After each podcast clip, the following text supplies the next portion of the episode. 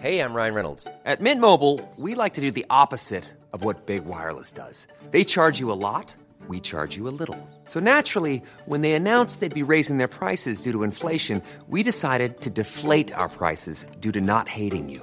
That's right. We're cutting the price of Mint Unlimited from $30 a month to just $15 a month. Give it a try at mintmobile.com slash switch. $45 upfront for three months plus taxes and fees. Promo rate for new customers for limited time. Unlimited more than 40 gigabytes per month. Slows. Full terms at mintmobile.com.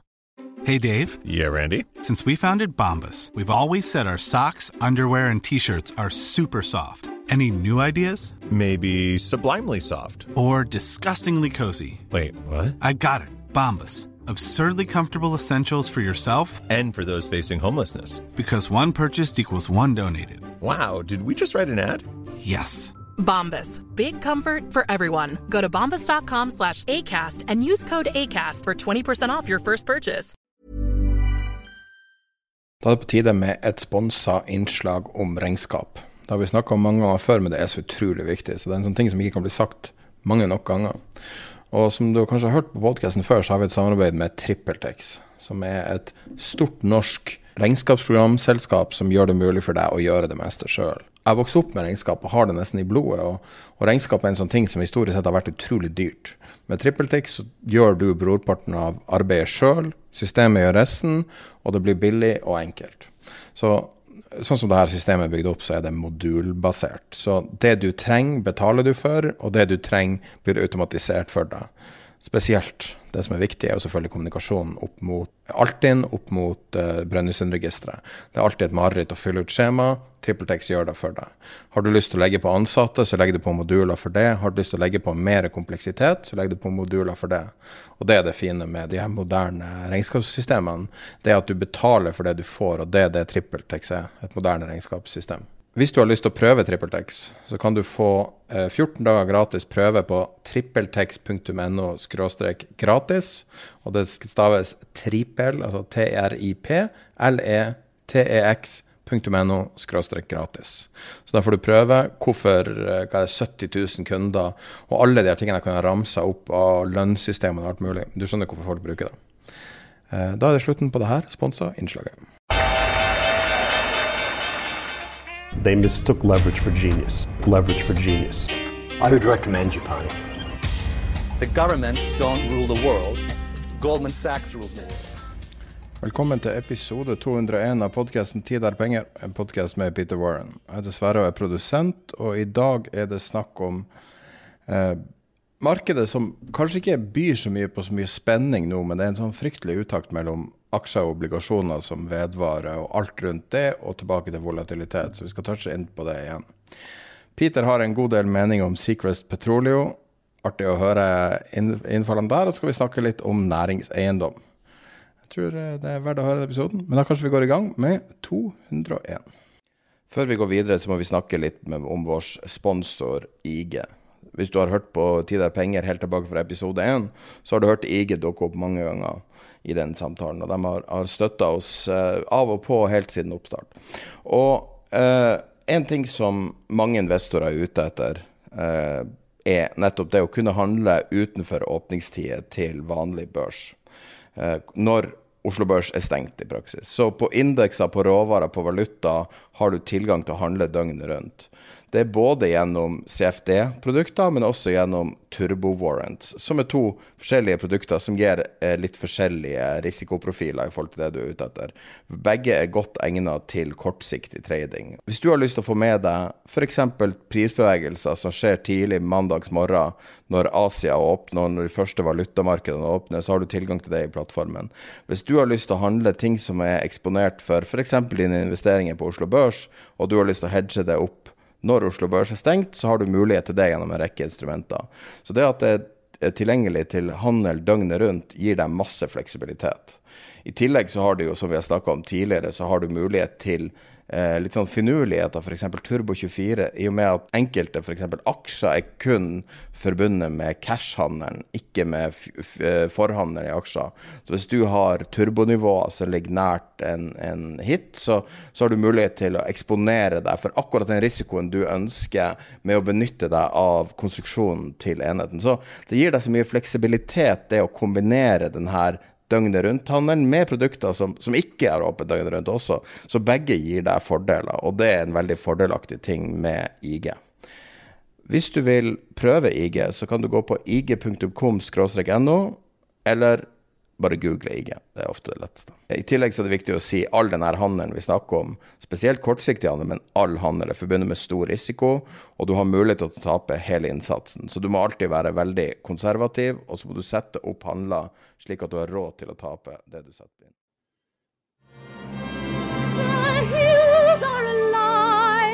With the sound of music, with songs they have sung for a Ja, hva du syns Der overrasket du meg. Ja, veldig bra.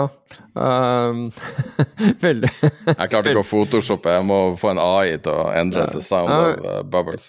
Ja, veldig bra, fordi det var jo akkurat det. Altså, det var jo nesten det. Eller det var i hvert fall et spill på den introduksjonen til Eller det første Hva heter det for noe? Første setningen i sangen eh, til den spillefilmen 'Sound of Music', som var en berømt spillefilm.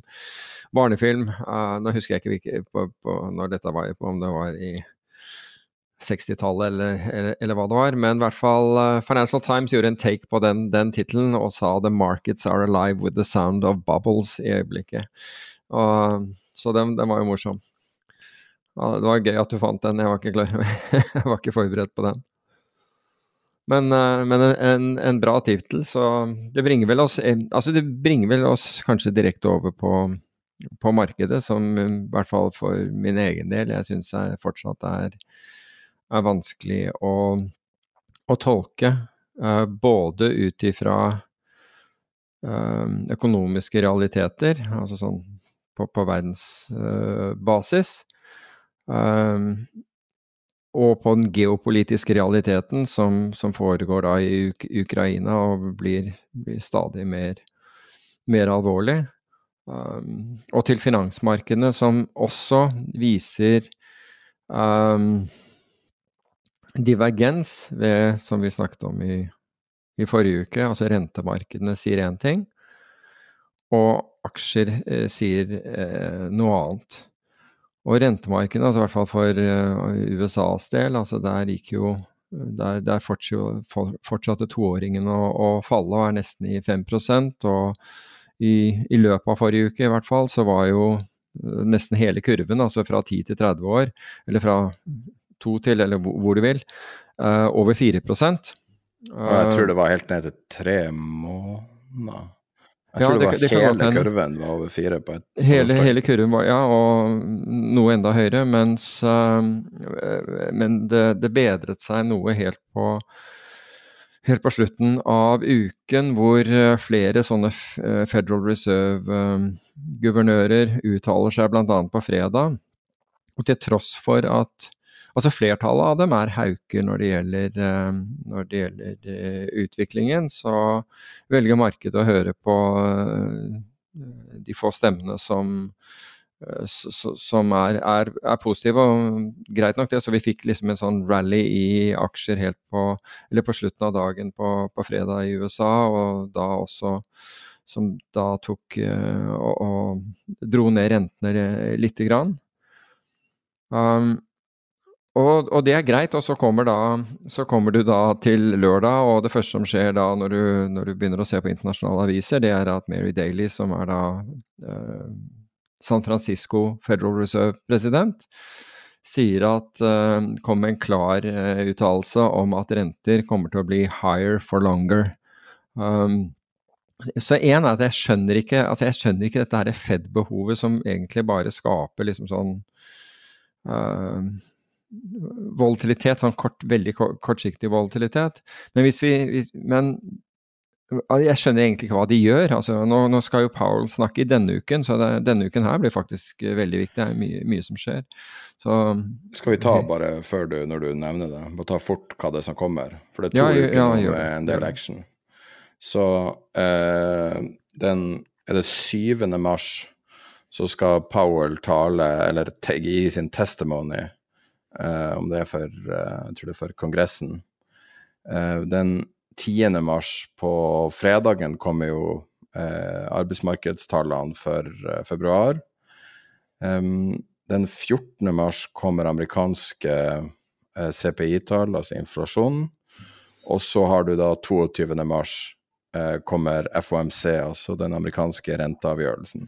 Og du ser jo, når du ser på eh, implied volatility forover, så ser du jo klare spiker på de fire dagene, som er langt over snittet den måneden. Mm. Um, så det er en heftig to uker foran, som vil påvirke norske uh, investeringer overalt. Alt mulig.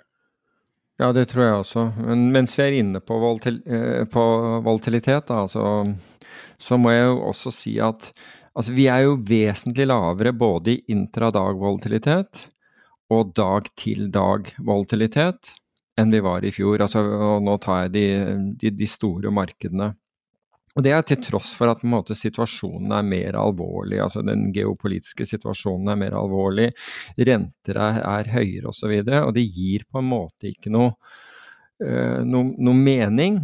Og så har vi det, denne her forskjellen. altså Det ene er at man kan gjerne si at viksen kanskje ikke er den beste måten å måle dette på i øyeblikket, ettersom viksen da stort sett um, gjenspeiler opsjoner som har forfall rundt 30 dager frem i tid, pluss minus no, no, noen dager.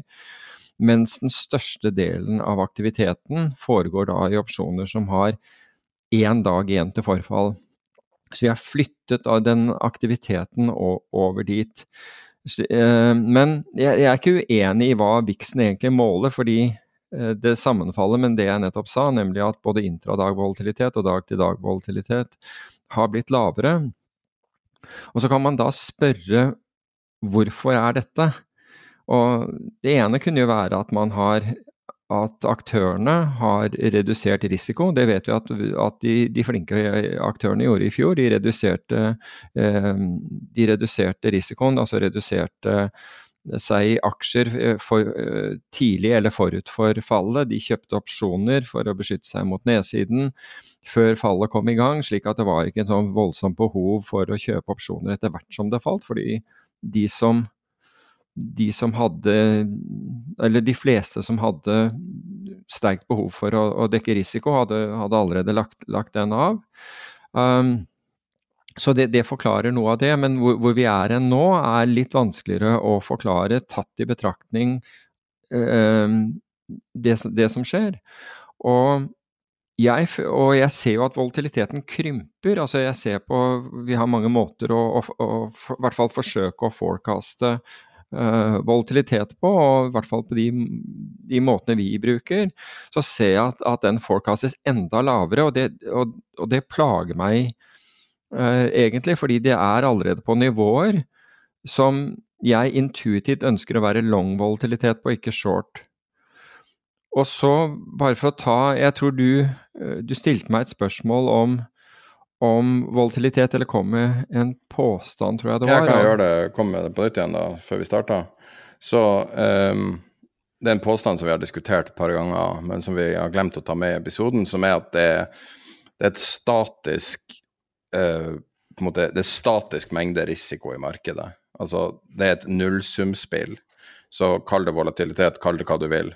Og pga. det her store uh, oppkommet av uh, zero day to expiry-opsjoner, som er blitt veldig populært nå, så har risikobildet blitt flytta til overnight-markedet, altså til liksom uh, det korteste markedet.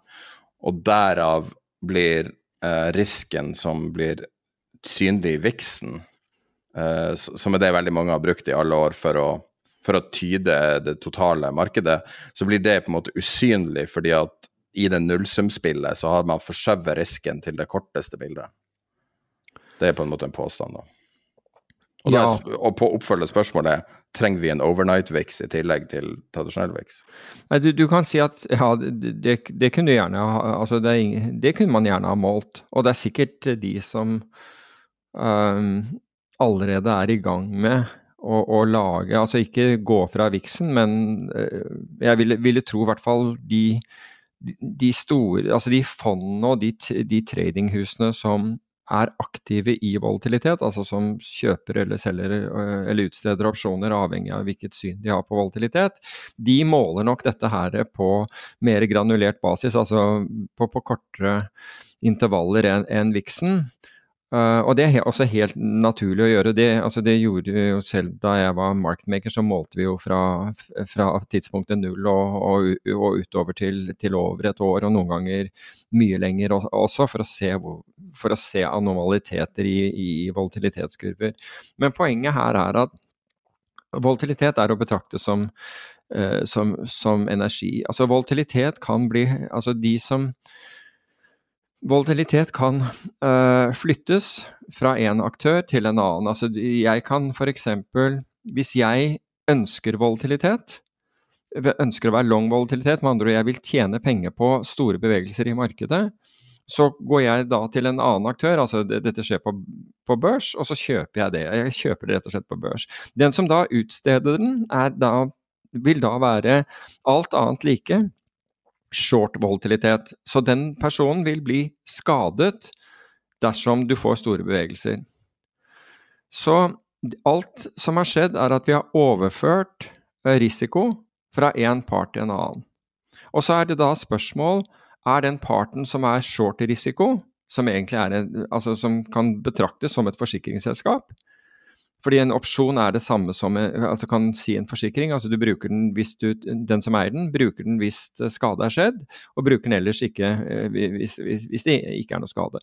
Så spørsmålet er, er, er om forsikringsselskapet, altså den som er utstedt er solid nok til å tåle den risikoen som, som, dette innebærer. Og Så vil noen si at ja, men du må stille sikkerhet for uh, når du utsteder opsjoner. Og Det er helt riktig. Er ikke, den sikkerheten vet vi at allerede er stilt. Men hvis dette begynner, begynner plutselig å bevege seg, dette virkelig får energi, er de, da, eh, er de da i stand til å stille tilleggssikkerhet og tilleggssikkerhet og tilleggssikkerhet som de vil bli avkrevd etter hvert som uh, det beveger seg, det er liksom det store spørsmålet. Så dette er på en måte litt sånn derre spill på, i anførselstegn, om det er sterke eller svake hender som holder som er egentlig short volatilitet. Vi vet at det er mange institusjoner eh, involvert her, både på long-siden av volatilitet og på short-siden av, av, volatilitet, og det er mange andre, eh, andre typer aktører også. Men, men, dette er som energi. Altså energi blir ikke, blir ikke borte. Den eksisterer der fortsatt, og det bekymrer meg nå at markedet er så laissez-faire når det gjelder risiko som det er nå. Det, eh, altså Sånne ting kan eh, ofte skje, i hvert fall dette er, dette er, min erfaring, er at jeg oppdager sånne ting ganske tidlig, og, og mange ganger for tidlig. Uh, så man må, må, liksom finne ut hvordan skal man posisjonere seg, og det fins måter å, å, gjøre det på. Men, men, for meg, jeg får en, jeg får en uh, urolig følelse for, for markedet når jeg ser Når jeg, når jeg, når jeg registrerer det, det, som, det, som, skjer i øyeblikket. Og det er de som nå øker risikoen sin, og som om alt er settlet der ute, som om renter har begynt å snu nedover, hvilket de absolutt ikke har. Um, som, om, som om økonomiene liksom er på full fart uh, på vei tilbake igjen, hvilket vi ikke har noe belegg for at, uh, at de er. Eh, som om eh, konflikten, krigen i Ukraina er over, hvilket vi alle vet at den ikke er. Og det, altså Det plager meg, den, den uh, likegyldigheten uh, som markedet har til, har til, risiko i øyeblikket. Og det er jo Altså hvis vi ser på bildet sånn fra, uh, fra, fra, markedene. Bare kikke litt på, på, forrige uke, for det er ikke noe der som for så vidt er urovekkende, annet enn at du så amerikansk uh, naturgass uh, plutselig stige 20% Det er ganske mye. så altså, Det er i råvarer det, det foregår. Bulkrater, representert ved den breakwave ETF-en, altså børsnoterte fondet, steg 18 og Det er på en uke, altså. Interessant, apropos det, var det å se at Norwegian Block Exchange, altså NBX, stiger 14% Dette er en kryptobank og markedsplass. Samtidig som det amerikanske Silvergate kryptobank faller 67% den, jeg, så ikke det, jeg så ikke det som en long short trade, må jeg ærlig innrømme. Ingen, ingen sammenligning for, for øvrig, bare mellom de selskapene. Hva du syns du om callen Coleman på Silvergate? Hva sier du? Hva du syns om Silvergate Jeg, Coleman? jeg, jeg syns callen din på Silje altså det, Når var det? I september, sikkert? jeg. jeg, jeg, jeg skal fortelle deg hva jeg syns om den. Jeg synes, Irriterende er hva jeg syns om den. Jeg er ikke irritert på deg, jeg er irritert på meg selv for ikke å ha utnyttet den. Jeg vet ikke om vi snakka om det i podkasten. Ja, jeg vet det. Det irriterer meg. Det har vi snakket om, har vi nevnt det? Så jeg, kanskje vi har nevnt det, så vet jeg, jeg, jeg mener at vi gjorde det, og Jeg jeg drev og så sendte den. Ja, jeg drev og så på det, og så så og så så jeg at det begynte å rebounde i, eh, i, i kryptomarkedet. Så tenkte jeg mm, kanskje ikke i høyblikket, for nå rebounder kryptomarkedet. Og det gjorde jo for så vidt Silvergate også inntil nå nylig, hvor, eh, hvor de tydeligvis har noe kapital... Uh, 18. november var det, skal vi se. Ja, akkurat. Kapitalproblemer. Og så så du altså container altså jeg følger med den MPC som er notert på Oslo Børs som, som, en proxy for uh, eh, containerrater. De var opp 7 i, i forrige uke.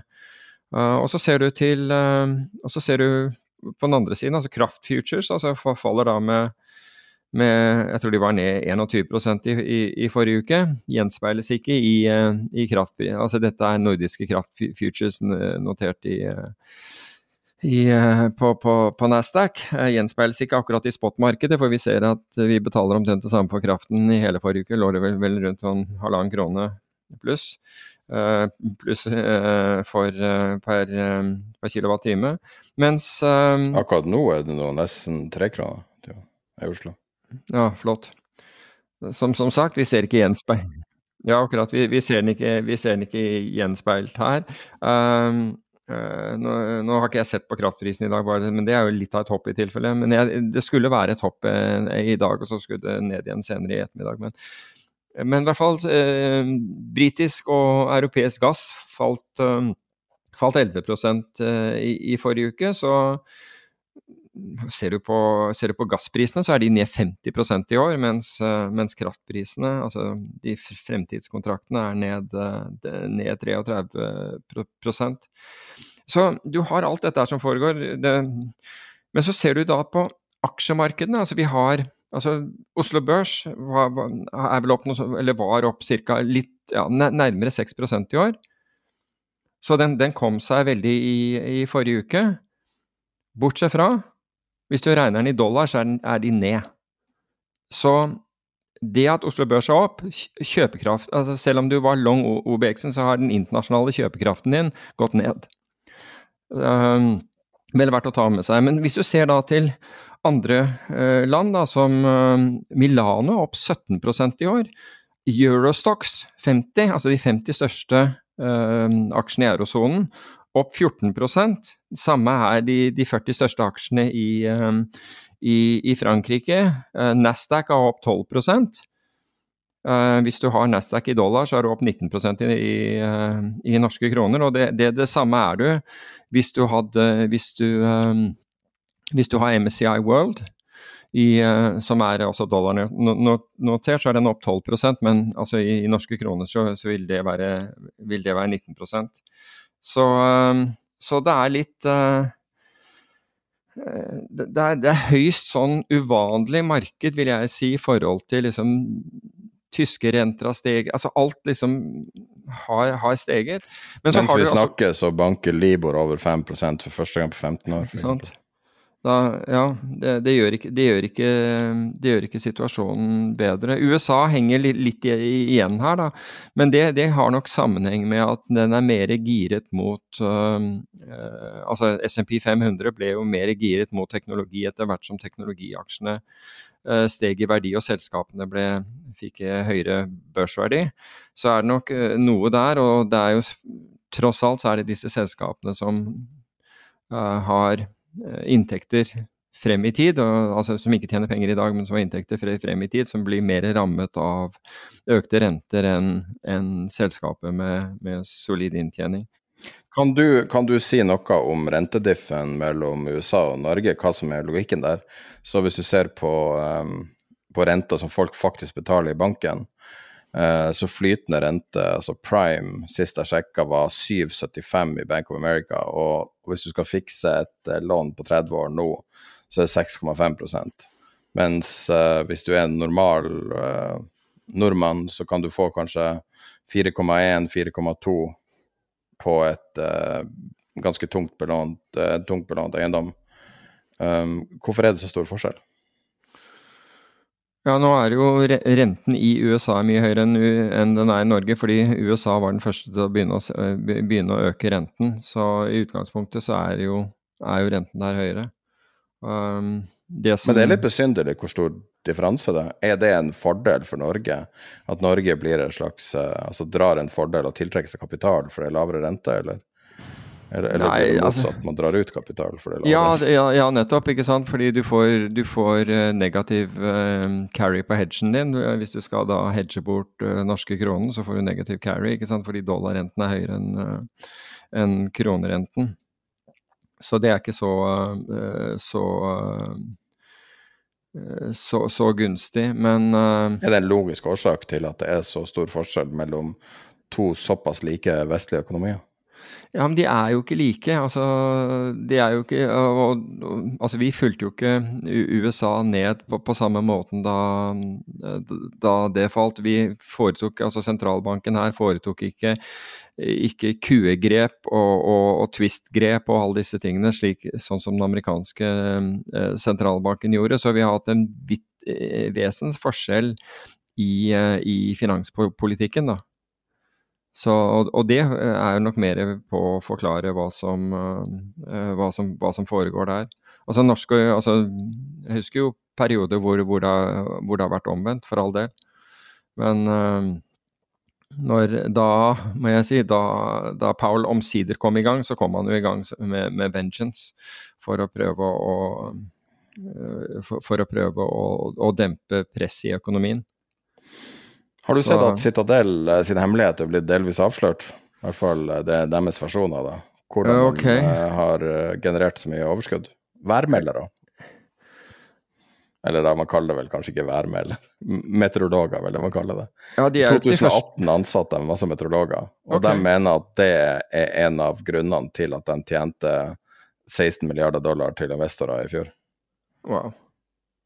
På, på, nå snakker du om hedgefondet? Ja, altså det er jo Jeg vil tro at det er nattgasstrader de har gjort, da. Ja, nettopp. Ja, altså du, du kan si at jeg husker det, jeg var investert i et, eh, et britisk fond. Det ble vel kjøpt opp. Og han, jeg tror han joinet eh, Goldman Sachs, og, og de eh, de investerte i, i, i meteorologer. Jeg husker ikke om han selv var meteorolog, men de hadde vanvittig bra resultater som, som følge av det. Fordi dette var altså før det var vanlig for finansforetak å å ansette, ansette meteorologer. Og her, her drev man med, med alle mulige typer værderivater, og de tjente mye penger på det. Jeg husker jo når eh, det norske selskapet Storm ble solgt. Så ble det jo solgt for en relativt beskjeden sum etter 20-30 år drift. Og det var et svensk PF-fond som kjøpte det. Og du mener værmelderne, ja? Ja, altså altså TV 2-værmeldingen, liksom. Ja, nettopp. Og det ble solgt som et, et værmeldingsforetak som, som hadde kunder i TV-verdenen og sånn. Og så vidt jeg skjønner, så snudde PF-fond hele businessen til å selge data til finans.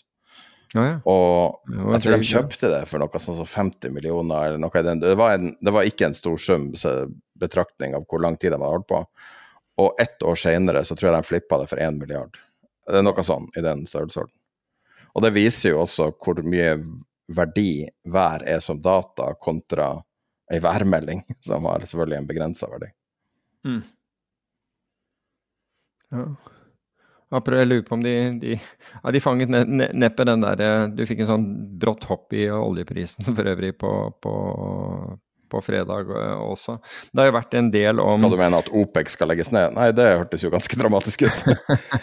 Ja, det er vel ikke at OPEC skal legges ned. Altså Det det var snakk om der, var, var ikke det at eh, Emiratene eventuelt skulle trekke seg ut? Ja, altså UAE skulle Det var Wall Street Journal som hadde det da, og den var ute Altså, den ble vel til en viss grad korrigert, men Wall Street Ja. Journal hadde en sak om at UAE skulle trekke seg ut av OPEC. Eller vurderte det. Ja, men U, altså UAE utgjør hva ca. litt over tre millioner fat per dag, gjør det ikke det? Og vesentlig er, det Mener jeg det er Abu Dhabi? Nå, hus, nå, kan det være at det er andre tall nå, men jeg mener sånn røftlig eh, det. Men, uh, men det var jo en del andre ting som, uh, som skjedde i, i, forrige uke. Altså lagrene var vel ned 48 millioner fat, var det ikke det? Altså olje, det var oljelagre. Så har russerne Deres eksport av oljeprodukter har gått litt ned.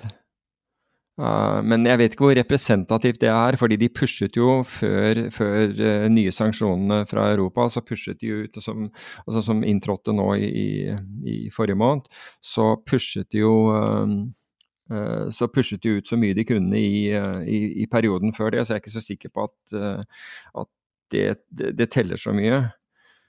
Du er spent på å følge de diesellagrene der, altså. For de hadde ja, ja. jo bunkra opp noe vanvittig i forkant. Sånn at det at det ikke ble et sjokk med innføringa av, av, den eksport- eller importstoppen fra Russland, jo, var jo ikke, det var jo ikke noe sjokk at det skjedde når man så på Det snakka vi også om, at det var mye lagerfylling i forkant. Det mm. som er det store spørsmålet, er seks måneder ut, eller noe i den duren, når man har brukt opp de lagrene. Har man klart å erstatte ja. Russland, som står for to tredjedeler av dieseleksporten til Europa? Jeg vet ja, men, nei, jeg vet ikke. Men altså, du kan si at vi var jo ganske overbevist, og Russland var, var helt overbevist, at da de stengte av gassen til Europa, så ville det bli finnbullvinter. Nesten uansett. Altså, Europa ville ikke kunne fungere. Men isteden så har da Europa, altså sånn temperaturjustert, så har vel de eh, redusert sitt forbruk med noe sånt som 15 eh, Land som eh, Norge har da eh, eksportert ekstremt mye mer gass til Europa. I tillegg så har man Hva skal jeg si De har bygget ut sin, altså LNG-terminaler, slik at de kunne ta imot fra bl.a. Qatar og, og, USA. Så de har vært på en måte Altså, hva har Russland nå Altså, det Jeg skal fortelle deg hva, hva altså, det som egentlig har skjedd her. Putin glemte Darwin. Det er, det er det, som har skjedd i, i, den. Putin fullstendig ignorerte eller glemte Darwin. Altså menneskets evne til tilpassing. For det var det som faktisk skjedde i det, i det Europa ble fikk denne utfordringen. Vesten, kan du gjerne si, fikk denne utfordringen så har man tilpasset seg. Og nå vet jeg ikke og, altså, hvordan altså I øyeblikket så er lagrene uh, greie, og, det, og, selvfølgelig har dette blitt hjulpet av en, en uh, mild vinter. Men man må jo si at altså, hva har Putin oppnådd? Jo, han har mistet sin største kunde, nemlig, nemlig Europa. Det er, det er, det han har klart å gjøre i dette her. Så for, for Russland så har det, da, har det skapt varige eh, problemer. altså i hvert fall må, må, må man endre og så skyve gassen da til India og Kina og ja, Aserbajdsjan og de der Nei, Aserbajdsjan er jeg ikke sikker på om, om, om vi mottar, men kanskje Kasakhstan. Men i hvert fall eh, i, i den retningen og, og, og, og, lenger. For å nå bli, bli kvitt gassen, og det koster mer. Um, så Russland har på en måte gjort en Jan Baalsrud, altså skåret av seg noen tær. Og Europa har lært seg å, å, å, å, klare seg med mindre gass. Og har da bygget ut sin infrastruktur så de kunne ta imot mer gass. Så oppi det hele så kan du ikke si at det der har vært, eh, har vært eh, totalt, eh, altså på noen måte mislykket for, for, Europa. Kanskje har det hjulpet Europa eh, både industrielt og på, på, og på, andre måter. Så man skal ikke se bort fra at Jeg vet at diesel er et helt annet produkt, bare så, bare så det er sagt, men man skal ikke se bort fra at man, at vi, at man klarer seg eh, Eh, til tross for, eh, til, til tross for denne At man har, har da stanset importen av, eh, av, produkter. Så er, det jo det, så er det jo en annen ting er at det, det, det lekker nok litt litt uh, russiske produkter i alle retninger, takket være land som ikke er helt lojale her. Men det, det er en annen sak. Um, de trenger ikke å, å, gå mer inn på det. Det andre, hvis vi går tilbake igjen til der vi, vi startet, altså med, du nevnte dette med OPEC og vi snakket om Emiratene, så økte faktisk eh, OPEC eh, produksjonen sin med jeg tror det var 120 000 fat ja, i, uh, i, i, for, i, forrige uke. Ikke, ikke, at det er av, av noe særlig betydning, eh, for all del. Men, uh, men, men, det om det, holdt jeg på å si. Hva med Jim Kramer, da? Endelig endelig finnes det en invers Jim Kramer ETF. Ja. Og det, jeg mener at Tuttle Management, dem som står bak den, at dem også står bak den der uh, uh, short, uh, short arc, men jeg er ikke helt sikker.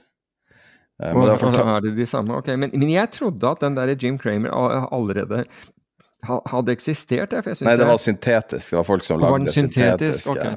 Nå er det Altså, jeg finner den i innfronten, liksom, så, så, jeg har lagt den til i watchlisten. og følger ah, okay, den, den er ned since inception, men uh, når du ser på hvordan den er konstruert, så er det basically short alt han liker, og long alt han ikke liker. Ok. Nei, for, fordi i det øyeblikket den, den kom, så, så, haglet det på alle mulige kanaler med, med, med, med bilder av den fra, fra, fra lyttere. Altså, det, altså, De virkelig klarer å fange oppmerksomheten til, uh, til, en hel finansverden med det alle tenker er Faen, for en jævla idiot. 12 000 mm. anbefalinger. Var ikke det 12 000 siden 2007 eller noe sånt? Jeg vet altså, ikke. Jeg vet ikke, men. Snakk om en Altså, han er jo han, Og han tar jo feil og feil og feil og feil og feil. Og, og er en eller annen merkelig cheerleader for handel. altså Jo, men dette, altså, det er, dette er underholdning. Ja, Men det er jo ikke underholdende. Nei, det, det, er jeg enig med deg i, men du kan si at det er litt som altså Fox News har jo akkurat det der problemet. Det er en eller annen høring borti USA i, i, i øyeblikket, eller sånn derre Det er rettssak. Ja, er, ja, jeg vet at det, ja, det, er, det, er, jo et søksmål der også, men det har jo med hvordan man da behandlet dette med Jeg tror det er, er det Arizona det er liksom hvor, hvor de callet den først, og hvor Altså, de callet den for eh, for Biden, tror jeg det var, eh, først. Altså De bruker det som argument for å si at vi har ikke solgt sjela vår til republikanske partier. Ja, men så viser, så viser det seg da i, i diskusjonene som fulgte, var at de mange mente at man skulle lyve. Og noen mener, altså noen i, i Fox mente fordi det var underholdning de drev med, det var ikke noe annet. Så, så, det, så dette, det å gå ut og få folk irritert på dem, altså republikanere irritert på dem, det var verre. Så det var bedre egentlig man hadde, om man hadde løyet. Så det er jo Men det er bare en underlig dynamikk i det her, når man tar noe så dølt som politikk eller finans, og så prøver man å jazze det opp til underholdning. For det første så blir du jo mindre og mindre informert jo mer underholdende man prøver å gjøre det. Du var jo, eh, du var jo den eh, fornuftige parten i Fredagsbørsen på TV 2. Jeg har jo gått tilbake og sett de gamle klippene med deg, og jeg, jeg, jeg jakta på dem, for jeg tenkte jeg skulle ta deg i at du hadde blitt dratt med og kaste pil på ballonger med aksjer på. nei, jeg gjorde ikke nei, nei, nei, Men der var du var akkurat sånn som i dag.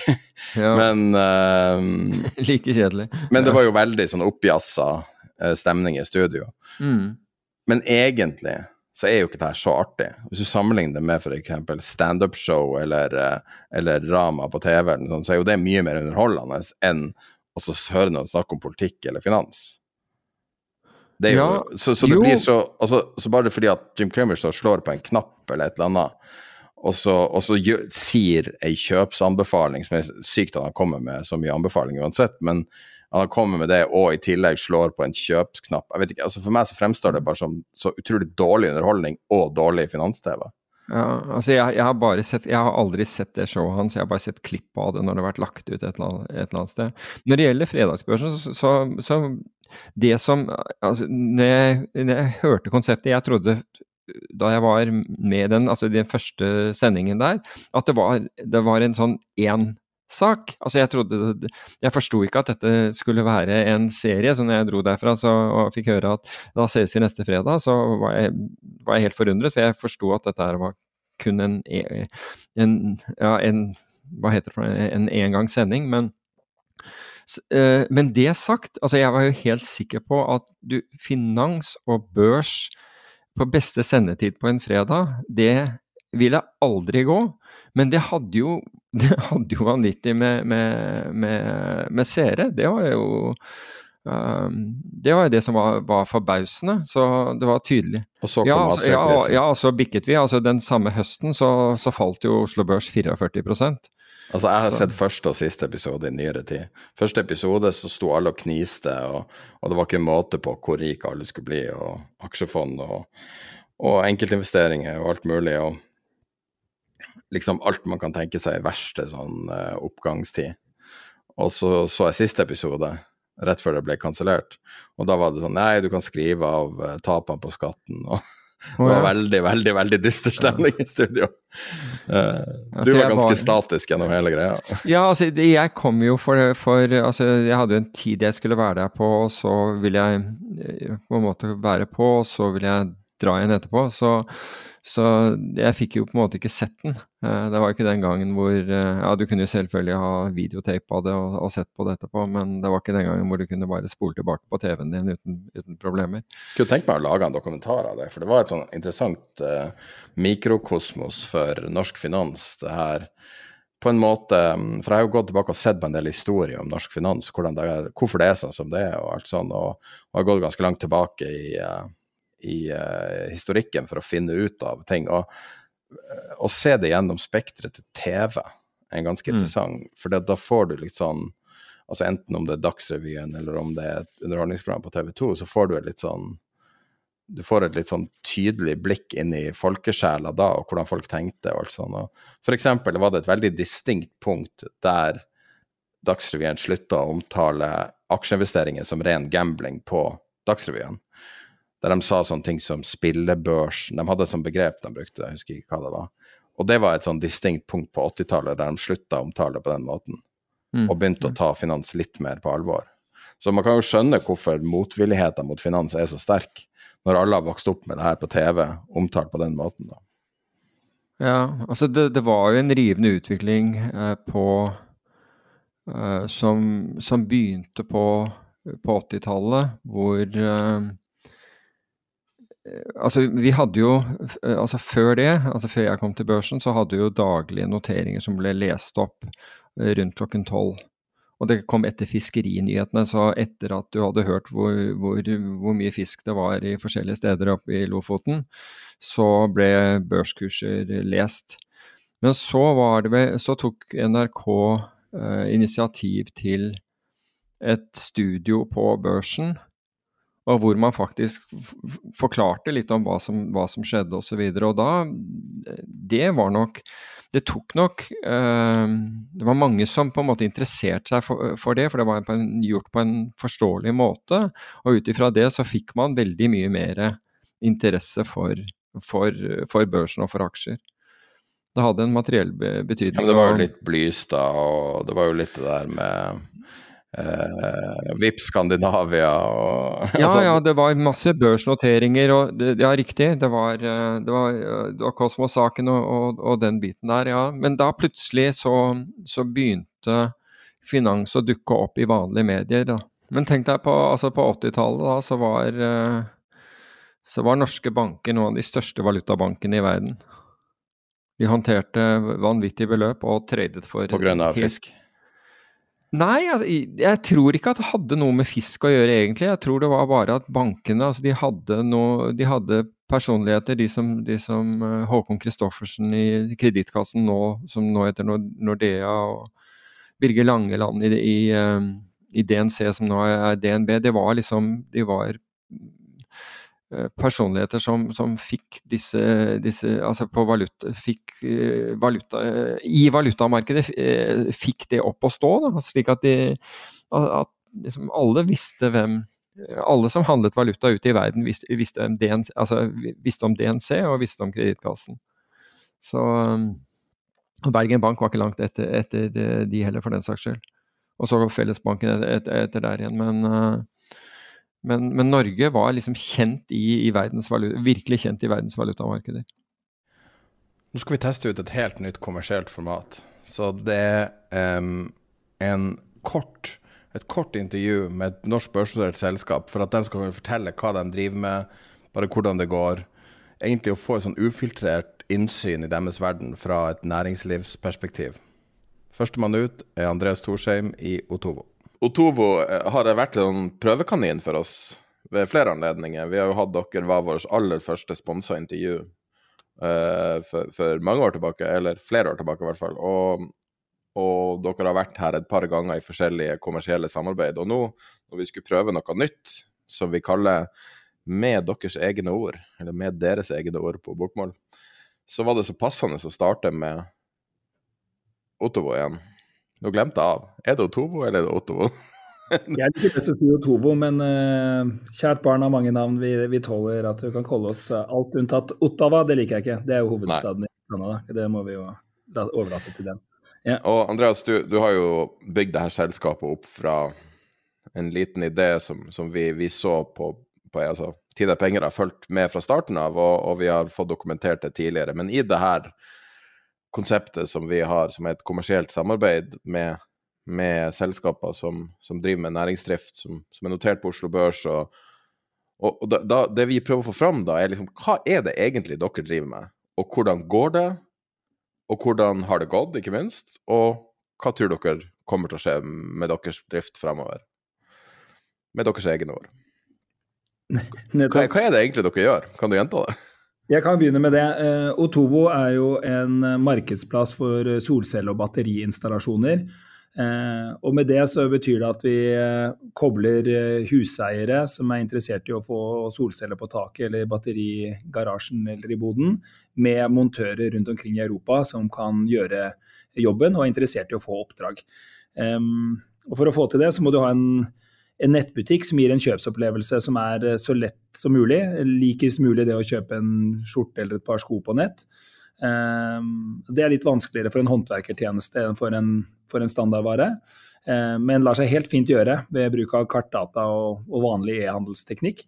Og så må du ha montører som legger inn prisene sine, eh, som kan svinge opp og ned etter varelageret deres og, arbeidsmengden de har osv. Og, og så vil du skape konkurranse mellom de montørene, sånn at det er hele tiden skarpe anbud på, på nettsiden, som gjør at kundene får så billige eh, paneljobber som, som mulig.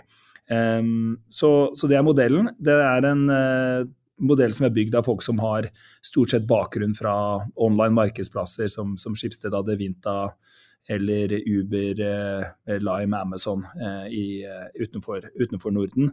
Det, det, sier vel litt om hva slags type tilnærming vi har. da. Um, så det er, det er, det vi gjør. Um, vi har 700 montørselskaper fra, omtrent fra Polarsirkelen og til Gibraltar uh, i 13 forskjellige eh, land som, uh, som, konkurrerer om oppdragene på plattformen. Um, og vi er en bedrift som har rundt en, en milliard i omsetning run rate da, ut av 2022. Um, og når vi er i 13 land, så er jo det resultatet av at vi gikk inn i seks nye land i fjor. Et kjempejafs. En, en hodepine og en, en, eh, voksesmerte som vi skal få jobbe med i, eh, i løpet av eh, vinteren og, og, og, gjennom det året vi er inne i eh, nå. Eh, men også et tegn på, på, et selskap som er ganske ambisiøst. Vi prøver å, prøver å vokse litt mer aggressivt enn de andre eh, selskapene på Oslo Børs, og, og ha troen på at det å det å vokse med over 100% i året, som vi har gjort de siste årene, det, selv om det ikke er så på moten som det var for et par år siden, så, så tror jeg likevel at det å vokse mye ikke, ikke, går helt av moten da. Så dere har jo vært en, en aksje som er handla på Oslo Børs i lengre tid, men dere har jo nå blitt en del av hovedlisten på Oslo Børs. Og det man kaller børsnotert i klassisk forstand, da. Det er jo litt forskjellige regler knytta til og kostnader med å være børsnotert på, ja. vanlige, på, på vanlige hovedlister på Oslo Børs. Eh, dere starta jo dessverre eh, karrieren med noteringer med litt dårlig nytt, og dere fikk mye oppmerksomhet de siste ukene. Eh, hva var det egentlig som skjedde? Ja, nei, så vi, vi, har jo vært på Euronext Growth i, i åtte kvartaler og uh, gjort en, en, god og ryddig jobb der. Men, men, det er som du sier, det kjennes jo ikke helt som børs på ordentlig. Euronex Growth fikk jo fort litt sånn samme merkevare som en litt sånn rufsete ungdomsskole, hvor det er litt sånn uryddige elementer som kanskje ikke skal gjøre så mye videre i livet. Eh, og, og, det var litt en, kanskje litt sånn profil Euronex Growth har hatt. Eh, nå har vi gått, eh, gått, videre opp til hovedlisten, og det var en stolt dag og en milepæl for oss da vi 14.2 eh, gikk opp dit. Eh, men vi må ha satt en slags rekord i elendighet da når vi tre dager senere hadde profit warning. Det må jeg si var ikke akkurat sånn vi hadde lyst til å starte starte karrieren på hovedlisten, og det er noe man vil unngå. Men det var, eh, det var noe vi ikke kunne unngå. Det kom en sykt irriterende og uventa endring i skatteregimet i uh, Italia, hvor, uh, hvor, italienske husholdninger har kunnet uh, eh, skrive av 50% av solcelleinvesteringen på skatten og selge den fordringen umiddelbart, så de slipper å vente til de kommer i skatteposisjon. Det har vært en veldig gunstig ordning. Den kom det endringer på som skapte masse usikkerhet i, i markedet. Og fordi Italia er det største og raskest voksende markedet vårt, så, så måtte vi varsle at dette kvartalet har vi ikke kontroll på nå eh, før vi får vite mer om eh, hva som skjer med pipeline og hva som skjer med salget eh, fremover. Og Det setter jo oss i samme situasjon som lakseselskapene har vært i høst. Og, og, og vind- og vannkrafteiende selskaper i, i Norge med, med, grunnrenteskatt som kommer litt sånn uventende på. Um, og ja, som leder i en bedrift er ikke det man vil ha, men sånn, sånn, er det. Og når det oppstår, så får man bare takle det. Eh, gleden for oss er at vi heldigvis har en portefølje med tolv andre land, eh, og har vært en helt bevisst eh, intensjon fra oss å, å, være eksponert mot, mot flere land, med flere støtteregimer, flere nettregler, flere flere prissoner og, og, og, strømmarkeder. Eh, for vi har så tro på at de underliggende trendene for solenergi og batteri og, eh, og det som ligger i det, vil vinne på sikt. At vi Da gjelder det egentlig bare å unngå å få, få problemer hvis det, hvis det skjer litt reguleringsendring i et marked. Og da er det fint for oss å kunne dirigere markedsføringskronene og kreftene og veksten inn i de områdene hvor, hvor vekst er billigere og lettere. Når du snakker om utsikter, så er jo det selvfølgelig eh, Jeg regner med at dere har hårete mål. Du snakker om 100% årlig vekst. Eh, det er jo interessant å høre. Hva, tror, hva, er bildet for både solenergi og batteri, som, som, er deres to områder? Fordi at begge to hører du jo på en måte flere forskjellige historier. Noen fra både regjeringshold og privat snakker om liksom eh, mangedobling, tidobling, kanskje hundredobling av installasjonene. Så, det er vanskelig å vite hva det er, og andre er mer skeptiske til det. og det er, liksom, det er veldig mye bevegelige deler. Hvordan ser det vekstbildet ut?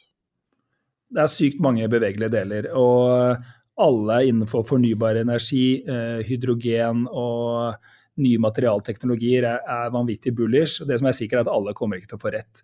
Eh, men solenergi og til, del, til, dels også vindenergi har bevist evnen til å vokse helt eksepsjonelt sterkt over lengre tid. Ehm, så skjer ikke alltid den veksten jevnt, og det kan skje med, med flaskehalser og smerte i verdikjedene både, både her og der. Ehm, men, men, eh, solenergi kommer alltid igjennom. Og, og jeg tror um, vi har, en, vi har, en, tøff vinter nå, men jeg er ganske optimistisk for fremtiden. For jeg ser eh, vi har liksom eh, Vi har eh, dels sterke medvinder som, som, løfter oss. Den ene er denne energikrisen som, eh, som både pga. prisbildet som kom etter krigen i Ukraina og eh, og europeiske politikeres vilje til å, til å, legge om fra særlig kullkraft til andre energikilder, den, eh, den løfter solenergi og vindenergi vanvittig mye. Og, og, du ser det kanskje ikke i Norge, hvor fokus i dag er liksom på om, om villmøller i, eh, i reindriftsområder skal, skal rives, men, men, i andre steder i Europa så ser du bare en ekstrem fremdrift i, i, i sol og vind. og Polakkene monterte like mye solenergi på hustak som Norges største vannkraftverk bare i fjor. Um, Oi, så, så det er liksom det er et vanvittig moment på, på solenergi. I tillegg så har du en sånn teknologiløft da, som er helt vanvittig, og der er det batterier som er den beste spilleren på laget for tiden. Um, for ett og et halvt år siden så hadde jo Tovo solgt null batterier og tjent null kroner på batterier. I første driftsår vi hadde batterier, så omsatte vi for mer enn 100 mil. Hadde over 20 mil i bruttomargin på det. Um, og uh, vi kommer til å selge tusenvis av batterier i det europeiske markedet nå. Det er en teknologi som kommer for fullt. Den blir 10% billigere hvert år, sånn jevnt over er trenden. Uh, og produktene blir mye mer kapable og forbrukervennlige. Det kjennes jo litt som mobiltelefoner på 90-tallet. Litt sånn clunky og, og uh, Eh, og, og, du får liksom en følelse av at vi er ikke helt på iPhone eh, Vi er liksom ikke kommet til iPhone-moment ennå. Eh, men, eh, men, herregud, så nyttig de er allerede. Eh, og, og er, liksom er casen der å ha solenergi på taket og en batteribank, um, og så i tillegg ha uh, f.eks. generator-backup hvis liksom, strømmen skulle gå? Mange er jo usikre på, på at, Er det en, en sånn type setup man ser for seg? Ja, altså Batteriet kan gjøre fire ting. Det kan forlenge mm, den solenergien du lagde midt på dagen eh, utover kvelden. I mange land så er det veldig lønnsomt, Sør-Europa f.eks. Det kan gjøre at du kan kjøpe strøm fra nettet når det er billig å bruke når det er dyrt. Da driver du arbitrasje på, på svingninger i strømmarkedet. Um, det tredje er at du kan unngå høye nettleier som kan inntreffe på visse tidspunkt i døgnet ved at batteriet lader seg da ut og du kjøper mindre kraft på kritiske tidspunkter. Og det fjerde er at du kan unngå strømbrudd. og Det er jo eh, mange land og, og, og, stater i USA som opplever det mye. og Det, det har også drevet fremveksten av, av, batteri, og sikkert vil være en sterkere motivator nå som det kommer mye mer ustabile både kraftkilder og kraftbruk på, på nettet vårt gjennom vindmøller og, og elbiler og alt dette andre. Så, så batteriene er vi helt i startgropa på. Og eh, det er mange som eh, lover at de skal tjene penger på batterier, bare de får bygd fabrikken sin. Vi er i gang og Vi selger et batteri hver eneste, hver eneste dag. Så, eh, så, vi er i hvert fall i batterimarkedet her og nå. Um, og så Den siste trenden som gjør meg litt optimistisk, da, selv om det er litt nitrist i, hvis du ser på, på, utover europeiske husholdninger, så er det denne eh, resesjon- og, og sparetilstanden. Um, og det er helt sikkert ikke bra for noen konsumentprodukter at det er resesjon. Um, det er tøffere å selge alt, inkludert solceller når det er resesjon. Men uh, jeg uh, driver jo også og selger solceller på, på leieavtaler eller leasing. Og uh, det er et produkt som i veldig mange land er i penga fra dag én selv om du måtte betale dyrere for å lease enn for å eie, selvfølgelig. Og, det gjør at jeg tror jeg har et produkt i, i ermet her som vil være eh, bra recession-proof, som de sier i USA. Kan være, være motsyklisk eh, produkt for, for, året som kommer. Så det er jeg også litt, eh, litt gira på. Supert. Men da tror jeg vi har fått sjekka inn og fått litt uh, oversikt over hvordan det går. Tusen takk for at du stilte opp. Takk for at jeg fikk komme. Det var avslutninga på vårt nye kommersielle prosjekt med deres egne ord. Tilbake til vanlige episoder. Og da må jeg, altså Hvis jeg kan henlede til liksom det, der, det som var siste ukes sak, altså den her, analytikerskandalen med Seacrest Petroleum.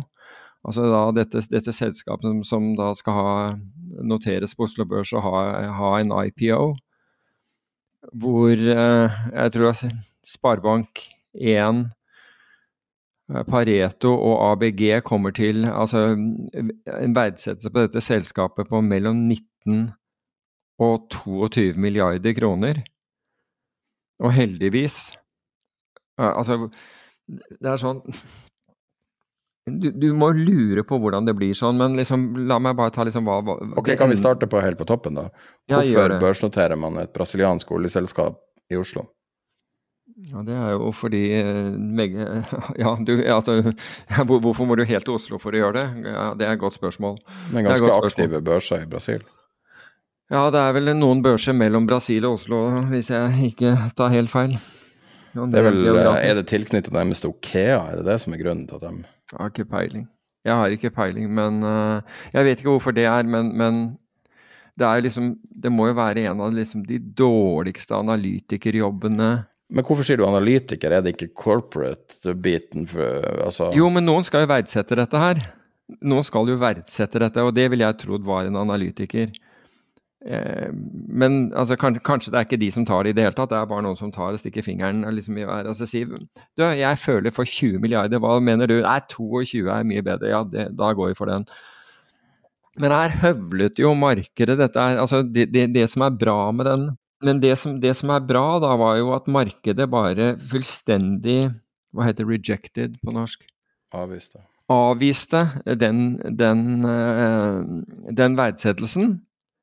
Og, og, høvler den ned til Jeg tror de ned med 60 ja. Jeg tror det var, de måtte 60% lavere. Altså det Jeg vet at dette har vært skrevet om, men, men så ender det da med at den går på børs.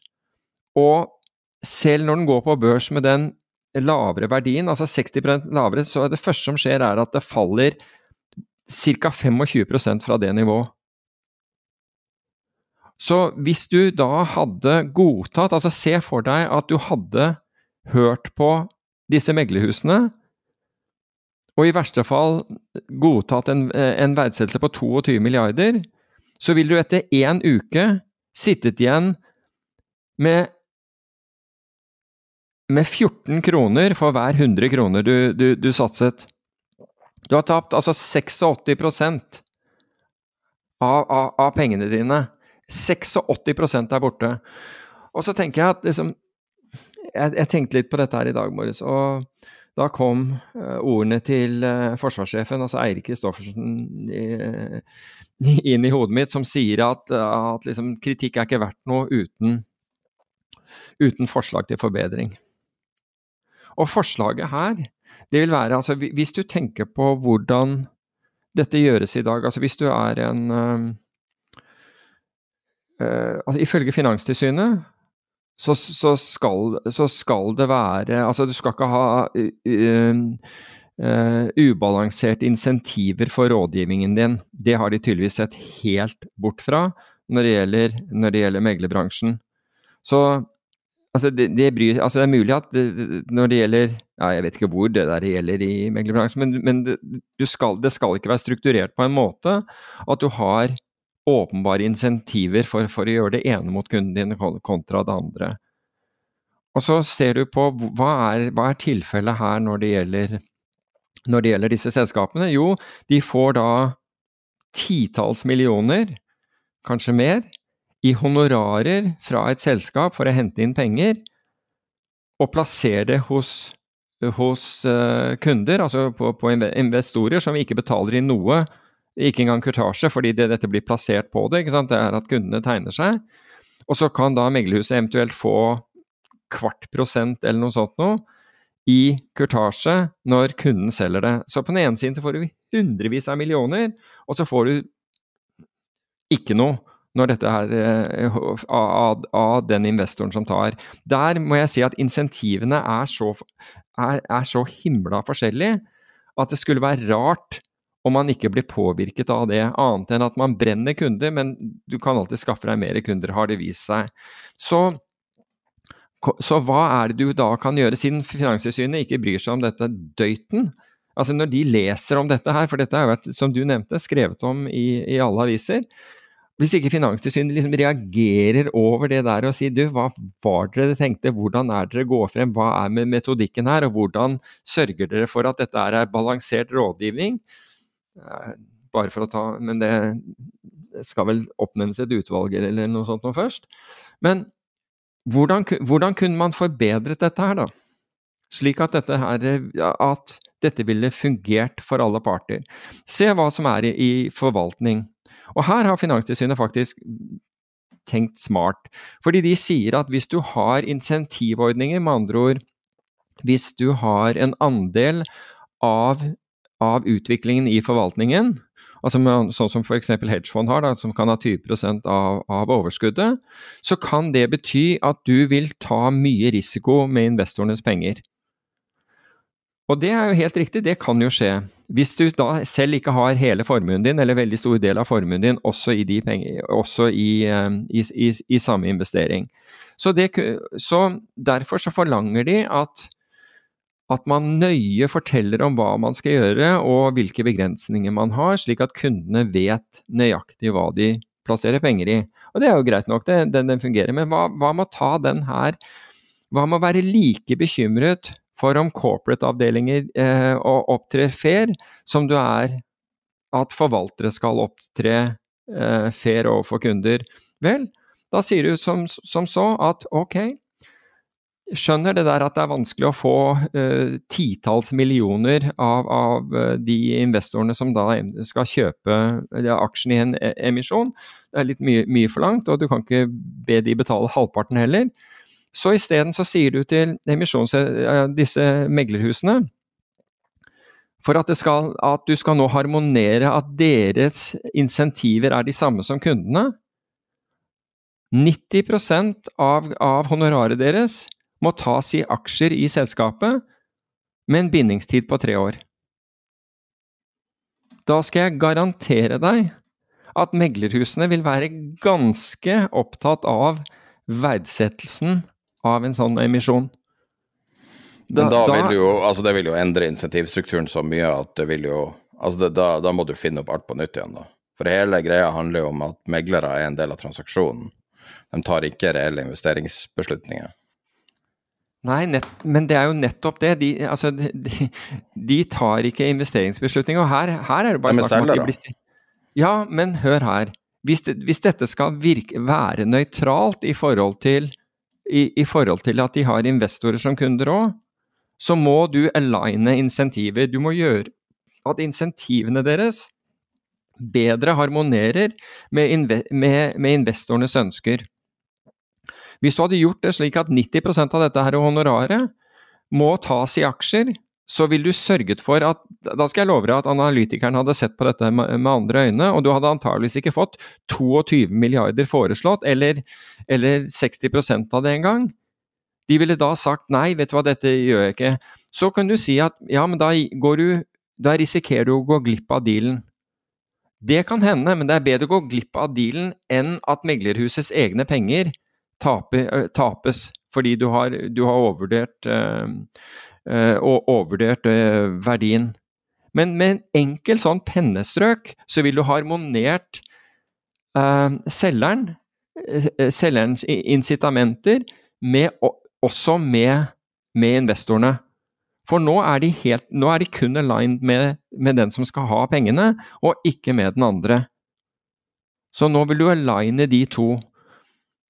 Og da vil du antageligvis også skrelle bort de som, eh, eh tildeling til de som bare flipper og, og dytter kursen ned på, på, på dag én eller to. Fordi, fordi, meglerhuset vil ikke ha interesse i at noen pusher den der aksjen ned.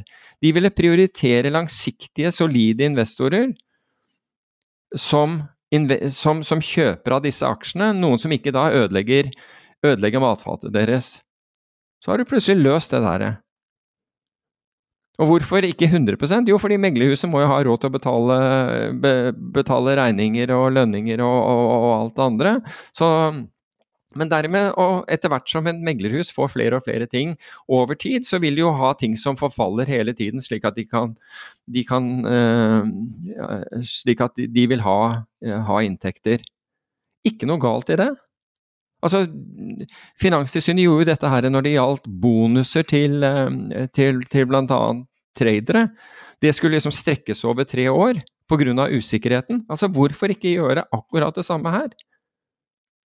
Det vil være en enkel måte å løse dette, dette, dette problemet på, og det vil være transparent, og, og man ville ha da Man ville ha felles interesser. Det ville være utmerket, etter min oppfatning. Nå håper jeg ikke jeg liksom får sånn laserlys i, i, pannen et øyeblikk her, eller noe sånt. ja, jeg, jeg, tenkte på hvordan du skulle bli slått ned for det forslaget. ja. Da er det, hva det vil si, eh, hals eller mage eller ja, sånn. Du kan velge. Um, jeg tror det er omtrent den mest upopulære ideen du noensinne har hatt, kanskje? Muligens. Ja, men den, være, den vil ikke være upopulær hos investor. Nei. Men man må jo da, altså med en så kontroversiell eh, endring av, av insentivstrukturen, så vil jo man måtte ha bygd opp hele næringa på nytt igjen. at hele næringa er jo nettopp bygd på salg. Og det gjør jo at altså, man kan jo snakke negativt om norsk eh, altså den corporate businessen som er i norsk finans, men de er jo verdensledende i high yield, f.eks. Ja, ja. Jeg, jeg, jeg, er ikke, uenig i det. Jeg sier, jeg sier, ikke, at alt, sier ikke at alt er dårlig. Jeg bare sier la, hvorfor, ikke, hvorfor ikke harmonere disse tingene bedre? Hvorfor ikke harmonere interessene bedre, som står i loven? Det er jo bare det. altså Bare følg det som er på en måte intensjonen. Det er ikke noe annet. Så bare, bare se på, på, på, hele Euronex Growth. altså Der har du altså Jeg så han, øh, han som er øh, jeg mener han er sjefsøkonom i, i, i, Norden, i Nordnett, altså Mats Johansen, som da har, har lagd en, en, liste over over hvor lite som omsettes på Euronex Growth, altså i, i, disse, sel, i disse, selskapene. står i jeg tror det er Finansavisen i dag. Det, det er jo nesten ikke omsetning i, disse papirene. Altså Insentivet har bare vært til å, å dytte ut disse selskapene. Og de som har blitt sittende, sittende fast i, i, disse, har ikke bare tålt en, en kraftig, eh, kraftig, kursfall, men det er omtrent umulig å komme ut av i, i tillegg. Og, og, det er klart at hvis det ikke spiller en damn rolle for meglerne hvordan det går med investorene, så er, det, så er det en mismatch her. Alle er enige. Altså, alle er enige, selv meglerne ser at det, at det er en mismatch her. Det er ikke tvil om Man må se litt tilbake på det er kontroversiell idé, så må man se litt tilbake på hva formålet med en børs er. Formålet med en børs er jo eh, at penger skal møte ideer. Det er grunn, grunnformålet. Eh, og du har investorer som ikke har ideer, som møter gründere uten penger. Og, og, så møtes de to, og så finner man ut en måte å jobbe i lag på, og så markedet håndterer prisinga. Så man får en kontinuerlig prising av det, som gjør det lettere å ekspandere, oppnå vekst, alle de tingene som er fordelen med å være på børs. Um, det som er problemet med ditt forslag, er jo at uh, med mindre du klarer å overtale da et random meglerhus om at din idé er god nok til at dem må være med på lasset, så vil jo da ting som er gode ideer som, som, som ikke vil være f.eks. møbelproduksjon eller noe veldig safe, uh, så vil jo det oppnå at du bare rett og slett ikke blir finansiert opp. Hvorfor det? Fordi at eh, hvis du ser tilbake til 2003-2004, eh, i den perioden når selskaper som, som, Facebook ble grunnlagt, så var det jo sånn at hvis du kom med en case til et, for en ventureinvestor, og det ikke var uh, et, års, et, selskap med 100 år historikk, og sånt, så var de ikke interessert i å snakke med deg, fordi at folk var så sky for risk. Å og putte egne penger inn i risky ting. Altså, vekstprosjekter var bare helt av moten. Og så snudde det jo veldig fort. Men i den perioden var det jo, det var jo så tørt i kapitalmarkedene som det aldri har vært. Og basert på din idé, så er det jo fare for at du vil oppnå det samme, ettersom det her vil jo insentivere investeringsbankene til å kun børsnotere eh, selskapet som betaler ut, utbytte. Altså, nei, ikke nødvendigvis, men, men, men tidligere så var det jo jeg mener at det er, det Stephen Mandy som har skrevet den boken 'What Happened to, to Goldman Sachs'? Altså, da, da satte jo meglerhusene De tok jo ting på egen bok. De var i, i Jeg tenker du når det var partnerskap? Ja, altså hele veien, veien frem. Og, og, han beskriver jo at den, den kulturen, at liksom de var der for kundene. Som Goldman fortsatt hevder at alt vi gjør er for våre kunder. Men som han sier at det ble det slutt på. Eh, det ble slutt på det eh, fordi det ble hele, he, og, og, det gikk over altså, til å være Alt vi gjør nå er for kundene, å stå ved kundene. Og, og, de hadde jo mange mange eksempler på det hvor de virkelig sto ved kundene. Uh, til å bli Hvis ikke vi gjør det, så gjør andre det. Nei, det var jo børsnoteringa av Salmon Brothers og så Goldman etter hvert som snudde på hele insentivstrukturen på Wall Street. For da alle de her gamle navnene, sånn Lehman Brothers, alle sammen, var jo partnerskap, alt sammen. Ja. Så når du uh, gjorde noe business med dem, så gjorde du jo direkte business med den personen du snakka med. Mm. Så de folkene var jo så konservative som bare det. Og når de åpna opp og fikk en stor balanse, og, og, den som du solgte noe til, ikke hadde et direkte sånn type ansvar, gjorde det jo mye lettere å selge ting helt ytterst på risikokurven. Mm. Så det er jo på en måte det det, du foreslår, er å gå tilbake til en slags partnerskapsmodell, og da i praksis strøype veksten. Vil noen Nei, tillate du, det? du, du, nei, nei, du rydder opp i, du rydder opp i det som det som er overpriset. Du rydder sannsynligvis opp i, i det som egentlig Altså, det er jo blitt en, en, en hva, altså, hva heter det? Euronex Group er, jo blitt en skraphaug. Det er blitt. Det er blitt en skraphaug for aksjer. Det er vel ikke Oslo Børs like at du sier, men uh... Nei, jeg vet at de ikke vil like det, men ikke sant? og det har jo noe med at den er, den er kommersiell også. Og hadde ikke Oslo Børs blitt en kommersiell børs, hadde antageligvis ikke, ikke det eksistert i det hele tatt. Den delen av, av markedet. Men isteden så ble den kommersiell, og den var jo like mye med på å trykke ut disse, disse selskapene, insentivert til gjennom, gjennom avgifter til å få inn flere og flere og flere, og kvaliteten falt og falt og falt. I Tyskland, og det var vel i 1997, så oppsto det et marked som het Neuer Markt. Og det var et marked helt på linje med Euronext Growth. Altså de vekstselskaper he- heiv seg inn. Det var liksom Den indeksen gikk til himmels og hele greia.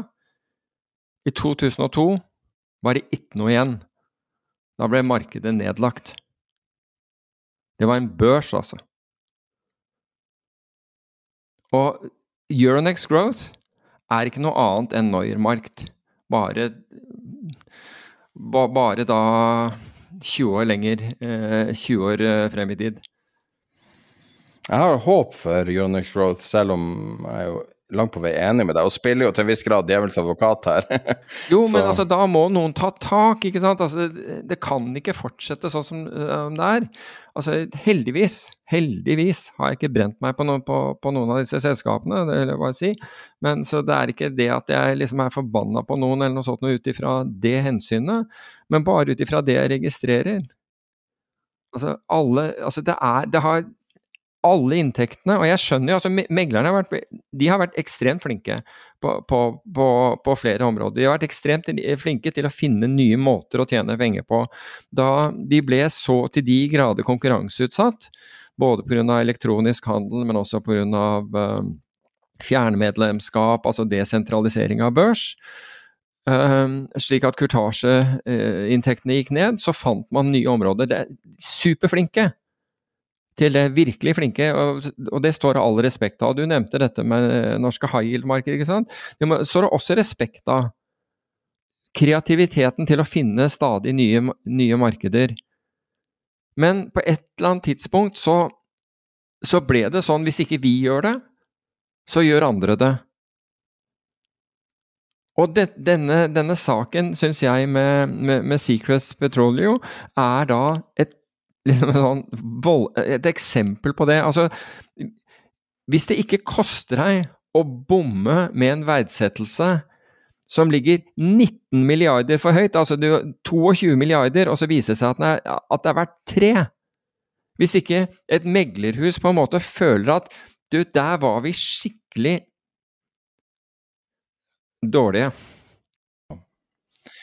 Det som jeg syns er litt sånn besynderlig med den saken, det er jo at norsk finans er jo ganske lite. Og det er jeg litt sånn overraska over, at det her må jo ha vært pitcha utad med prising på 20 milliarder, og nå er mellom to og én en plass, kanskje lavere enn det til og med. Så hvordan vil kredibiliteten, den langsiktige kredibiliteten være påvirka av å pitche så til de grader på noe som faller ut døra? Nei, altså jeg, Man kan bare håpe at liksom institusjonelle investorer liksom reagerer på, på, den der måten. Og sier at vet du hva, altså i utlandet så vil det være sånn det er typisk, du. Ring meg om seks måneder, eller jeg vil ikke snakke med deg i, mer i år. Så, slik at det ville ha konsekvenser og på en eller annen måte balansert seg selv. Da.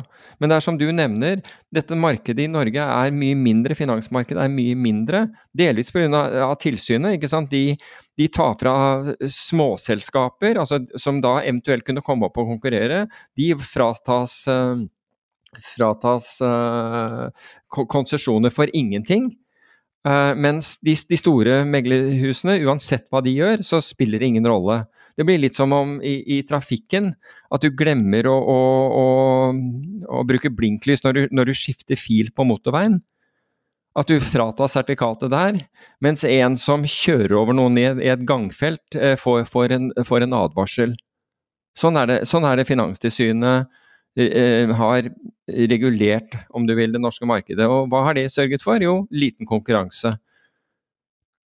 Så det, det er forskjell mellom hva heter det for noe, og Jørgen Hattemaker, jeg husker ikke hva den mm, første er. Men du vet hva jeg mener? Ikke sant? Du, eh, du, Kong Salomo, er det ikke det? Kong Salomo, takk. Og, og, og, Jørgen Hattemaker. Det er en vesensforskjell mellom, mellom de to.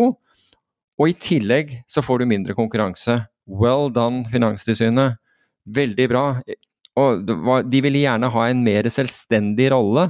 De ville ikke være under Finansdepartementet. Ja, det fortjener dere. Suppehuer. Are, you kidding me? Nei. Kanskje stryke akkurat den, men Whatever. Men, men, men poenget er, her er at uh, Og jeg tror det at insentivene er så enorme at det, at det spiller ingen rolle. Det spiller ingen rolle. liksom sånn, Ok, så bomma, så bomma jeg med 19 milliarder, da. Er det så farlig? Nei, det, det er en veldig besynderlig sak, det der. fordi det var jo noe som vi ikke så komme. Vi, vi leste jo i avisa som alle andre. Uh, og når man ser prisinga som blir foreslått, og prisinga som, som, settes av markedet av den store prisingsmekanismen, så ser det ganske stygt ut, da. Mm. Uh, det jeg er mest bekymra for, er mer uh, hvordan de folkene skal klare å gjøre mer business senere med de, med de samme type kundene. Altså, jeg kan ikke forestille meg at de samtalene kan være lett etter å ha pitcha noe til 20 milliarder, jeg vet ikke. Nei, altså de burde ikke være det. Og, og hvis de er det, så er det jo nettopp fordi det er noe galt med konkurransen. Men kan vi snakke litt om et, et nærliggende tema, på en måte, selv om det er veldig langt unna? Og det er tilbake, tilbake, til kong Salamo, liksom, at, at, det er forskjell på folk. Og det er få plasser der det er mer forskjell på folk enn i næringseiendom.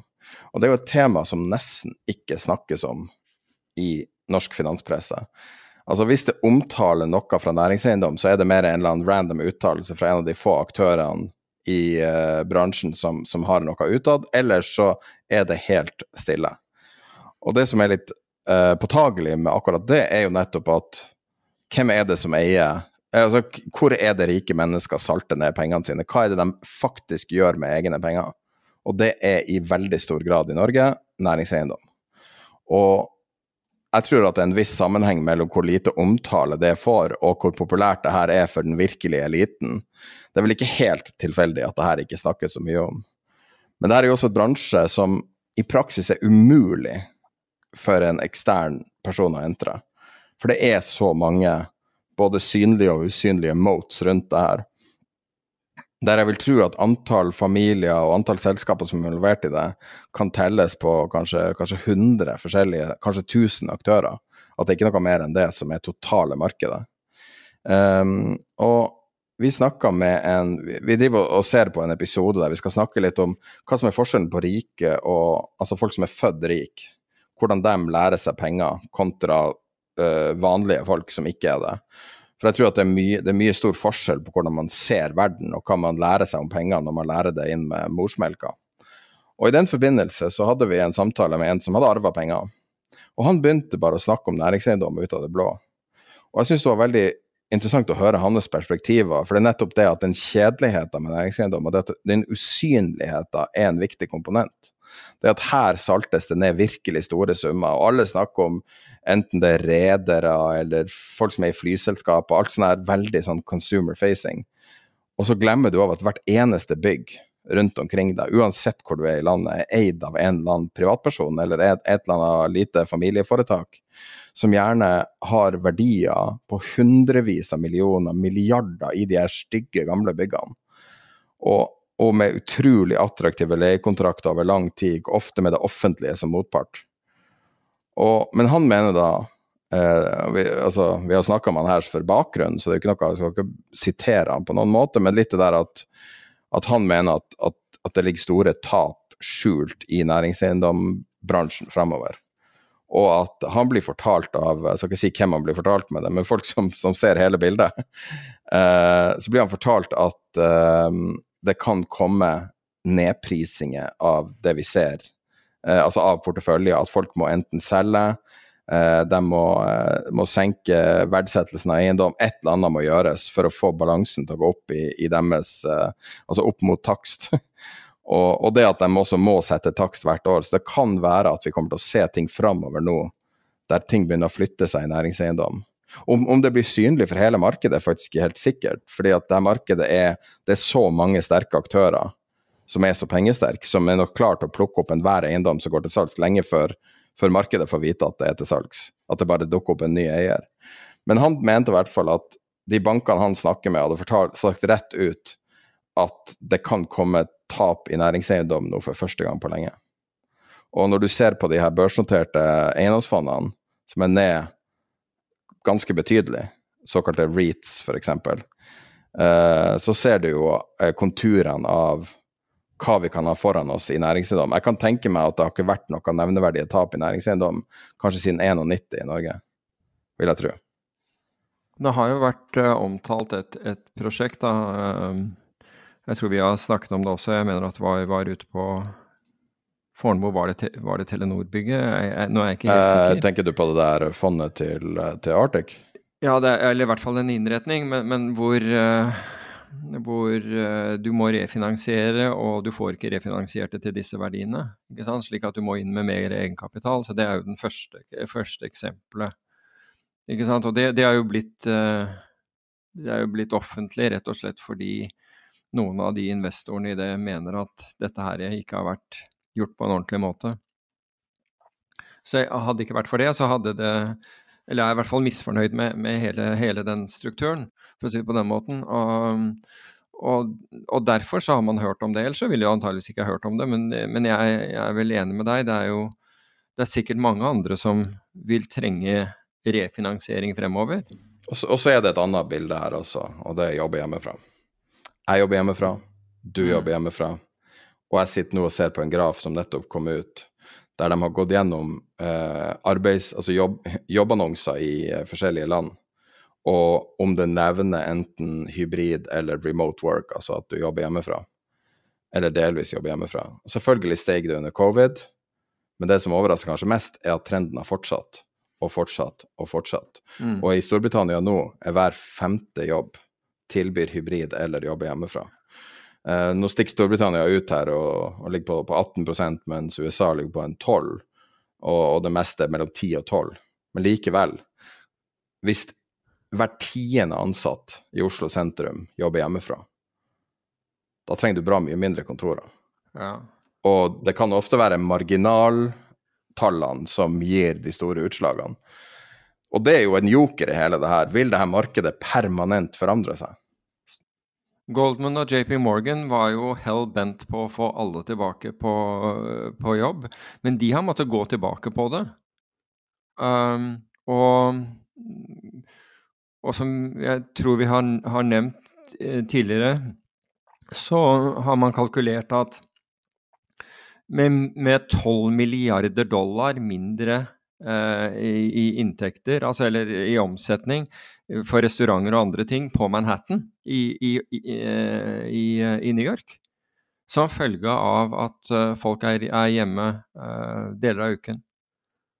Så de regnet, ja, de regnet, med at hver person brukte ca. 46 000-47 000 kroner i året um, i um, Eh, altså lunsj, middager og alt mulig sånn, brukte, altså de, de, brukte det i, eh, på Manhattan. Og, og, disse inntektene nå vil da, vil da, da forflytte seg. Så En måte man kan se denne forandringa med egne øyne, er å se på ombygginga av eh, næringsbygg. Fordi at når du, du, vet med den dynamikken som er i næringseiendom, så er det det siste valget ditt, det siste alternativet du ser på, er å bygge om bygget. Når du har gjort Altså, det siste du vil gjøre, er å putte ei krone inn i et bygg du eier.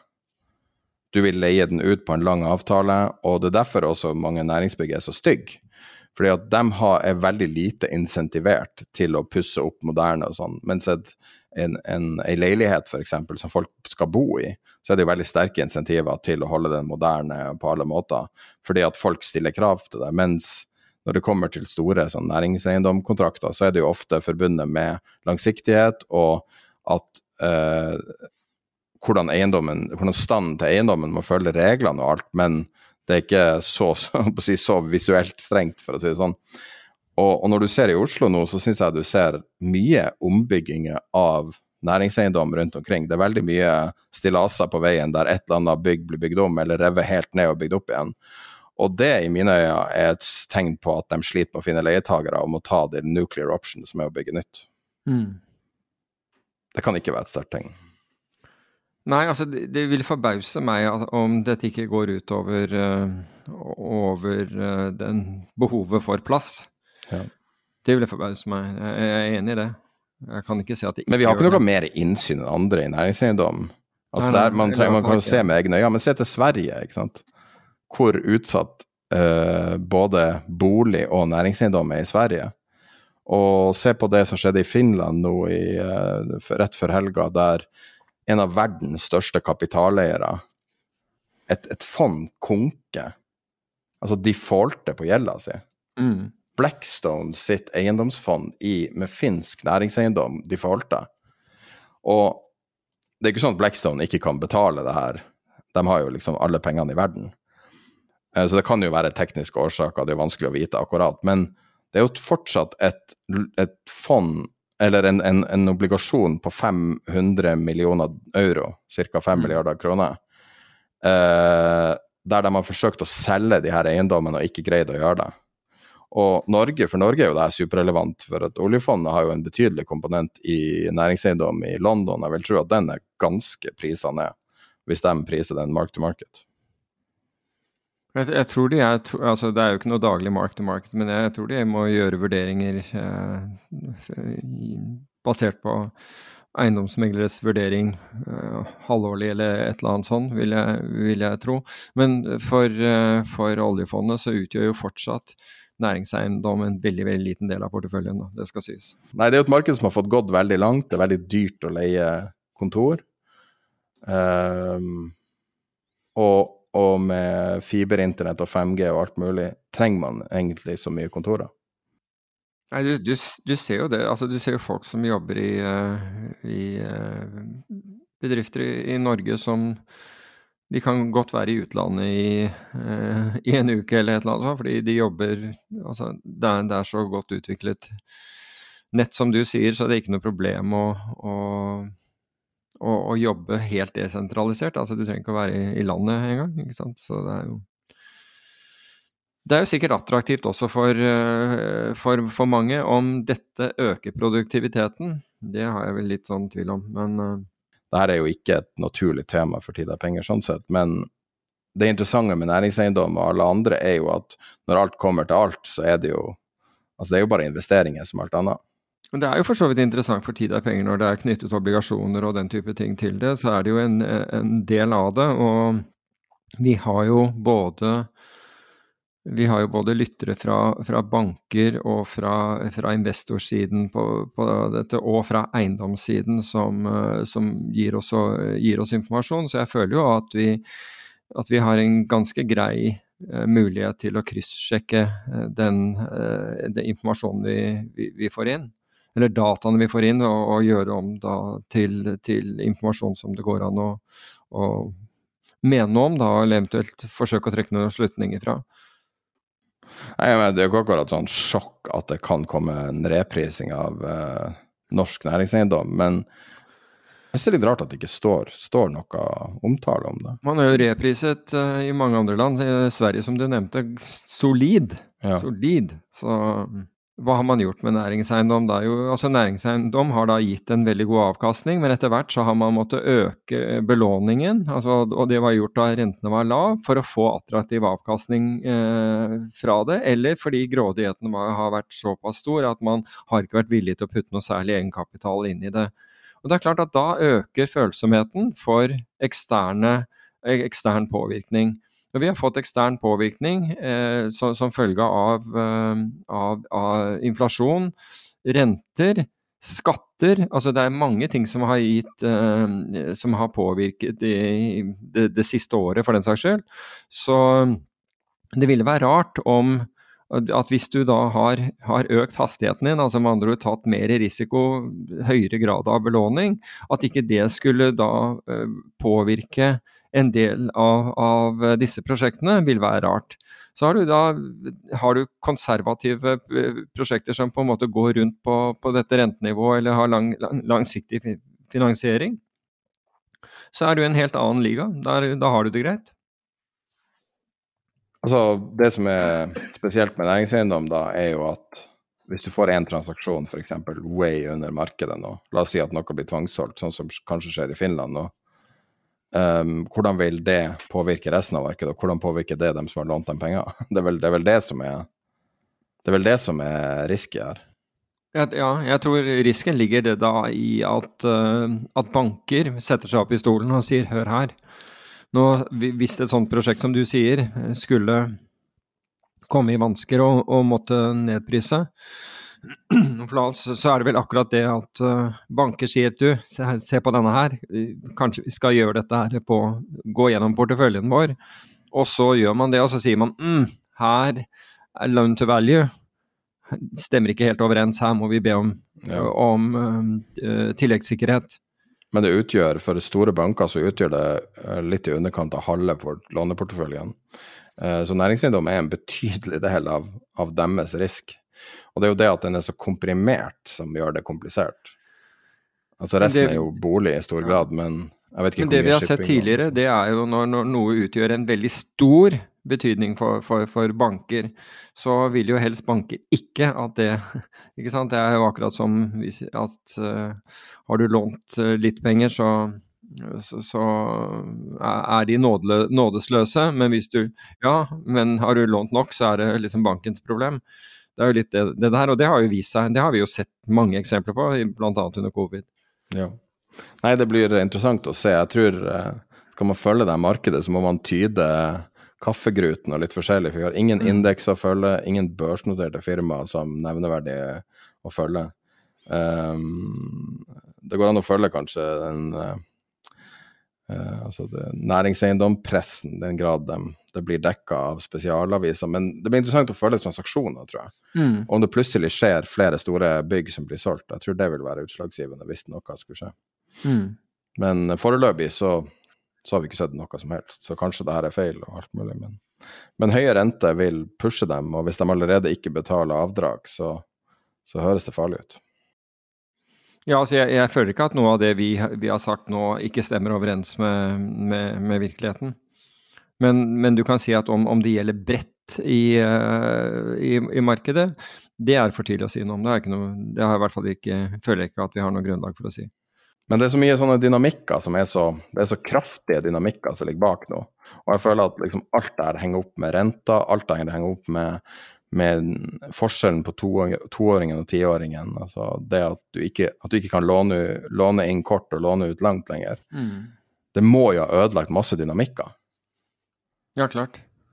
Det er klart. Men du kan si at bankene har jo reddet seg inn på altså det der å kunne låne låne inn kort og låne det ut eh, eh, kort og billig og låne det ut langt og dyrt. Nå, nå, har du altså mellom 2 og 10 i USA, så er det vel 0,9% eller noe sånt i negativ, eh, altså hvor eh, tiåringen er, er, under, under toåringen. Men du ser i Norge så har, jo, har jo bankene bare økt eh, har jo rentespredden, altså de økt differansen mellom, mellom utlånsrente og innlånsrente, så de har det jo så se på, se på DNB, de har vel aldri tjent så mye. Ler, ler hele veien til, til, Bjørvika. Skal vi runde av med Du har uh, lagt inn elsk med Mooch.